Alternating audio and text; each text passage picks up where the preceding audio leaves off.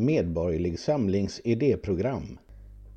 Kapitel 4 Ett levande fritt civilsamhälle De mänskliga relationerna i samhället kan delas upp i tre kategorier.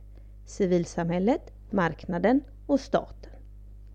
Civilsamhället är samlingsnamnet för mänskliga mellanhavanden och verksamheter, vilket inte syftar till handeln och inte heller hör till den offentliga sektorn. Det rör sig om familj, vänskapsrelationer och föreningsliv av olika slag, men även om interaktion mellan främlingar.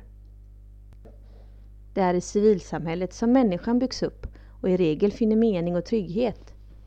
Man kan på goda grunder hävda att civilsamhället är själva utgångspunkten för mänskliga mellanhavanden, medan marknad och stat handlar om sånt som inte civilsamhället klarar av. Ett starkt civilsamhälle skapar dessutom en balans i förhållande till de andra två sektorerna och hindrar dem från att ta sig in och styra för mycket i andra människors liv. Medborgerlig samling betonar vikten av samhällets små gemenskaper. Utöver deras trivsel och meningsskapande funktion utgör de ett skydd mot såväl ekonomisk och social misär som mot politisk klåfingrighet. Totalitära ideologier har därför alltid motarbetat de små gemenskaperna, likt familjen, grannskapet och det fria föreningslivet. Dessa ideologier understödjer helt enkelt statens kolonisering av civilsamhället och ofta även av marknaden. I Sverige ser vi följderna av detta i vad som brukar kallas för statsindividualismen, det vill säga att svenskar har kommit att bli mer oberoende av sina familjer, men desto mer beroende av staten. Vi ser det även på området stadsplanering och arkitektur, där slutna mötesplatser och trivsamma lokala miljöer har fått ge vika för brutal modernism. I Sverige betalas miljardbelopp ut till föreningslivet varje år från det allmänna. Det uttalade syftet med bidragen är att stärka civilsamhället.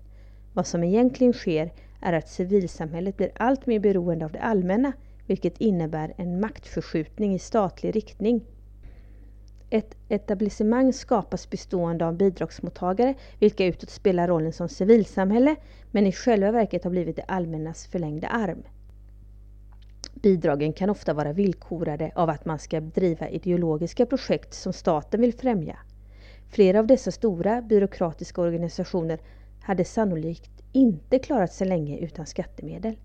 När detta gäller trossamfund och etniska föreningar innebär dessa bidrag dessutom att krafter som ofta är extrema och separatistiska i förhållande till samhället i stort får en dominans och blir legitima företrädare för grupper i fråga.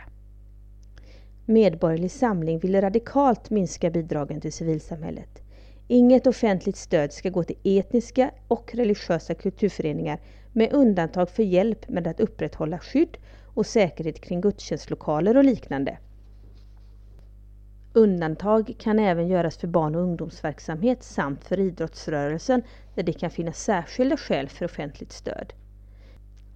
I huvudsak bör vi emellertid gå över från offentliga bidrag till skatteavdrag för privatpersoner och eventuellt även för företag vid bidragsgivning till den ideella sektorn.